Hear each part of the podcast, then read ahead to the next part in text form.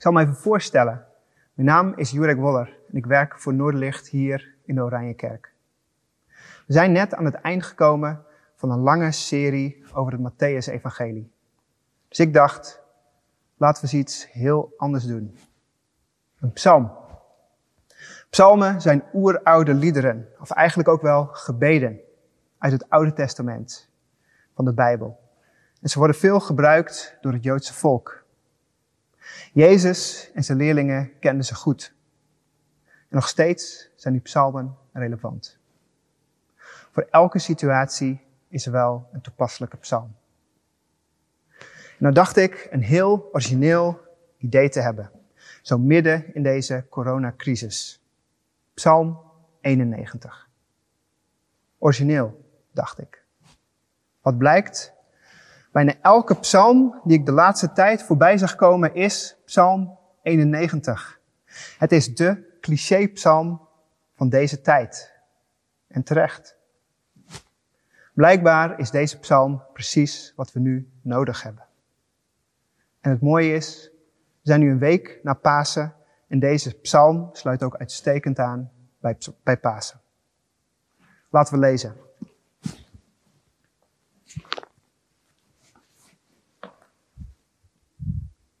Wie in de beschutting van de Allerhoogste woont en overnacht in de schaduw van de ontzagwekkende, zegt tegen de Heer, mijn toevlucht, mijn vesting, mijn God. Op u vertrouw ik.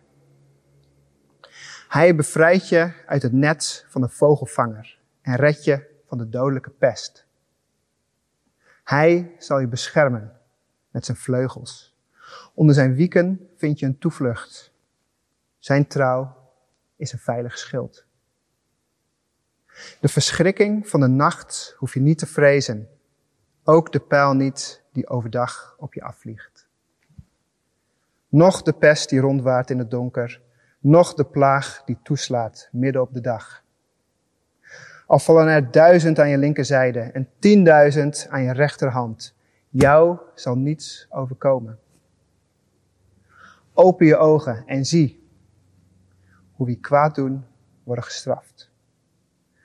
U bent mijn toevlucht, Heer. Als je mag wonen bij de Allerhoogste, zal het kwaad je niet bereiken, geen plaag je tent ooit treffen. Hij vertrouwt je toe aan zijn engelen, die over je waken, waar je ook gaat. Hun handen zullen je dragen en je voet zul je niet stoten aan een steen. Leeuw en adder zul je vertrappen, roofdier en slang vermorzelen. Ik zal bevrijden wie mij lief heeft en beschermen wie, mijn, wie met mijn naam vertrouwd is. Roep je mij aan, ik geef antwoord. In de nood zal ik bij je zijn.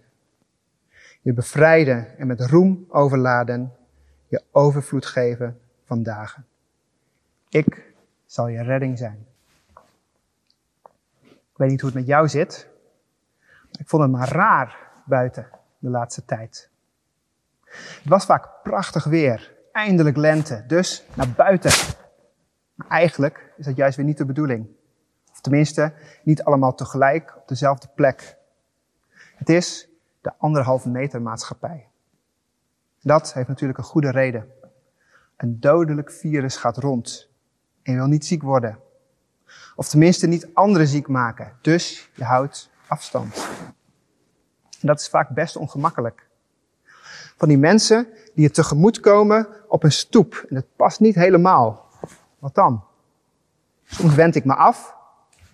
Soms ga ik opeens de straat op met een grote boog overheen, omheen.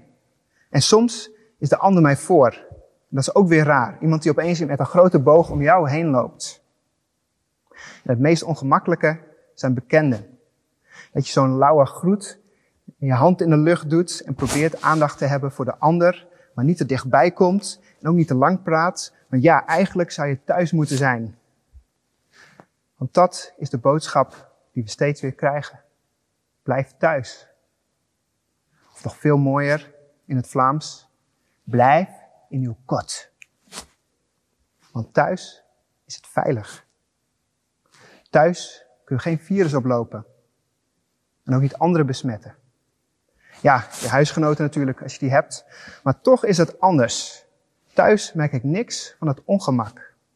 Eten, praten, samen zijn. Het is net als anders.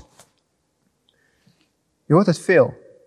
Door de coronacrisis zijn mensen thuis meer gaan waarderen. En dat snap ik goed.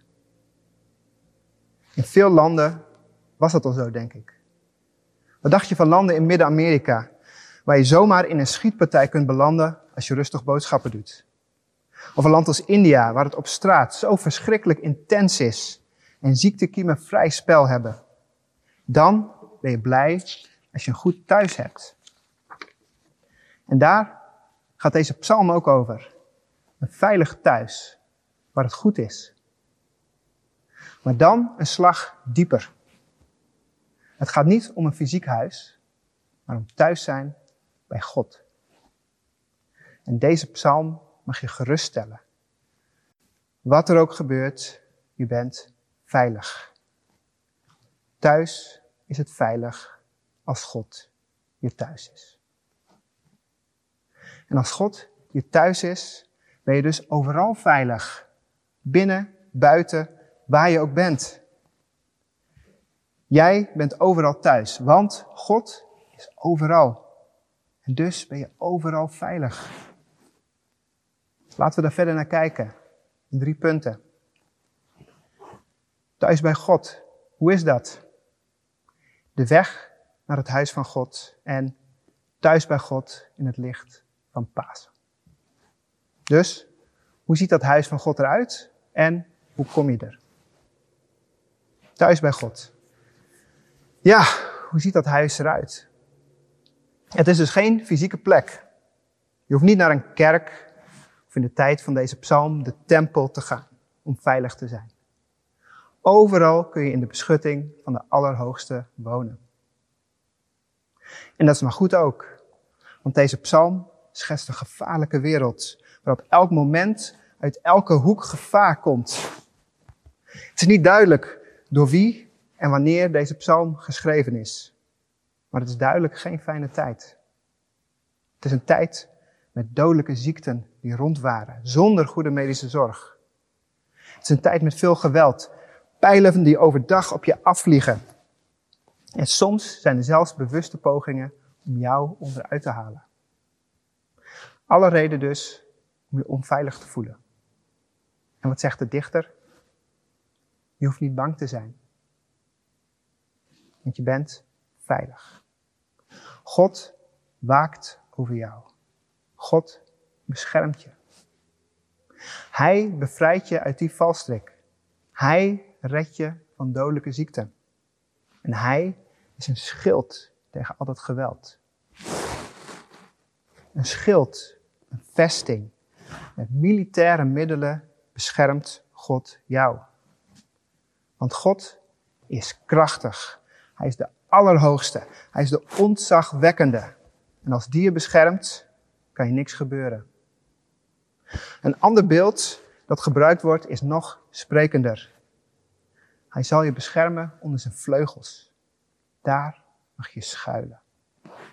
Je mag als een klein vogeltje heel dicht aankruipen tegen je moeder of je vader. Veilig bedekt onder de vleugels. God is een liefhebbende hemelse vader die zijn kinderen heel dicht tegen zich aanhoudt. we komen het vaak tegen in de Bijbel. Kind zijn van God. God geeft persoonlijk om mensen. God geeft persoonlijk om jou. Als je deze psalm goed leest, dan zie je het gebeuren. Het perspectief verschuift en het wordt steeds persoonlijker. Het begint in de derde persoon. Hij, zij, heel algemeen. En al gauw gaat het over op de tweede persoon. Jij, de dichter, spreekt jou aan. Maar de psalm eindigt in de eerste persoon. Ik. En het is God die spreekt. God spreekt jou direct aan. En hij zegt dit. Ik zal je bevrijden. Ik zal je beschermen. Ik zal je antwoorden als je roept. Ik zal bij je zijn. Ik zal je redden. Ik zal je verheerlijken. Ik zal je verzadigen met een lang leven. En ik zal jou mijn geluk laten zien. Allerhoogste beschermt jou hoogst persoonlijk. En hij belooft je een lang en gelukkig leven. Dat brengt ons bij het tweede punt. De weg naar het huis van God. Als je serieus neemt wat God zegt aan het einde van deze psalm, dan is het een extreem belangrijke vraag. Een lang en gelukkig leven. Wie wil dat niet? Het is dus zaak om bij God thuis te zijn. Hoe doe je dat? Aan het einde van de psalm zegt God het als volgt. Ik zal bevrijden wie mij lief heeft en beschermen wie met mijn naam vertrouwd is. Twee dingen dus. God liefhebben en met zijn naam vertrouwd zijn. Hem kennen zoals hij is. En eigenlijk wijst het op één ding. Een intieme relatie hebben met God. Zoals een kind dat heeft met een ouder. Hoe doe je dat? Er is één persoon die dat overduidelijk heeft voorgeleefd. Jezus Christus. Hij was volledig thuis bij God. Bij zijn doop klinkt er een stem uit de hemel. Dit is mijn geliefde zoon. In hem vind ik vreugde. In de jaren die volgen zoekt hij steeds weer contact op met zijn hemelse vader. Hij bidt soms de hele nacht door, volledig gericht op God. Hij is zo sterk verbonden met God dat hij zelf zegt, ik en de Vader zijn één. En zijn Vader, die helpt hem, keer op keer. Vaak dreigen mensen met geweld tegen hem en steeds is er op wonderbaarlijke wijze een uitweg. Ziekte heeft geen vat op hem. Sterker nog, het is totaal andersom. Door Gods kracht geneest hij allemaal mensen van ziekte. En met het kwaad is het net zo. Komt hij het tegen, met mensen die bezeten zijn, dan drijft hij die kwade geesten uit. Door Gods kracht. Zelfs de duivel zelf beproeft hem als hij veertig dagen lang vastend in de woestijn is. Maar Gods geest is bij hem en engelen zorgen voor hem.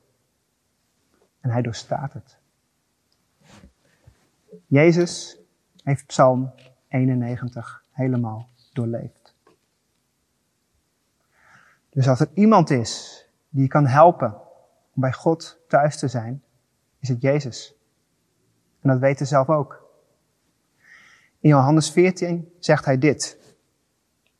Wees niet ongerust, maar vertrouw op God en op mij. In het huis van mijn vader zijn veel kamers. Hij vertelt dat hij zelf voor zijn leerlingen een plaats gereed zal maken.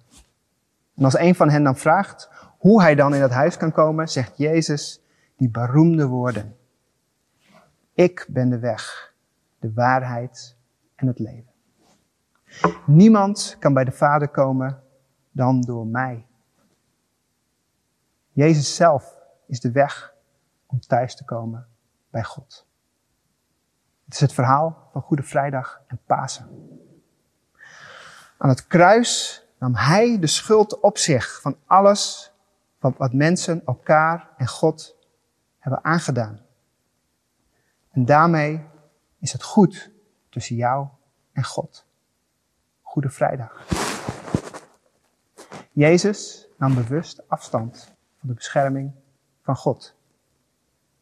Als hij wordt gegrepen door een bewapende bende, probeert een leerling hem te verdedigen met een zwaard. Maar Jezus zegt, doe het niet. Weet je niet dat ik mijn vader maar te hulp hoef te roepen en dat hij dan onmiddellijk meer dan twaalf legioenen engelen ter beschikking zou stellen? Jezus laat Psalm 91 bewust los. En daarmee ligt de weg naar het kruis open. Maar via dat kruis, via de dood, gaat die weg verder. Jezus staat op uit de dood. Pasen. Jezus leeft. En als wij ons vertrouwen op Jezus leggen, dan mogen wij volgen. Dan heeft de dood geen vat meer op ons. We zijn voor eeuwig thuis bij God. En zo krijgt Psalm 91 een totaal nieuwe lading. En dat is het derde punt. Thuis bij God in het licht van Pasen. Veel mensen zijn die weg van Jezus gegaan. De weg naar het huis van God. En hun leven is vaak drastisch veranderd. Er is een heel Bijbelboek aan gewijd. Het boek Handelingen. Het gaat over het leven van de eerste christenen.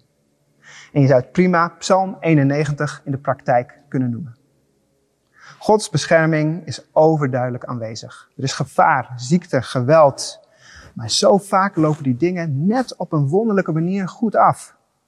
Soms grijpt God overduidelijk in. Worden mensen door een engel uit de gevangenis bevrijd. Of door met behulp van een aardbeving. En door Gods kracht kunnen die christenen ook ziekte genezen. Mensen van het kwaad bevrijden. Zo was het toen en zo is het nu nog steeds. Nu nog steeds zal God je beschermen. Vaak op een subtiele manier. Lopen dingen net goed af. En soms is er overduidelijk bovennatuurlijke hulp aanwezig. Ik kan erover meepraten.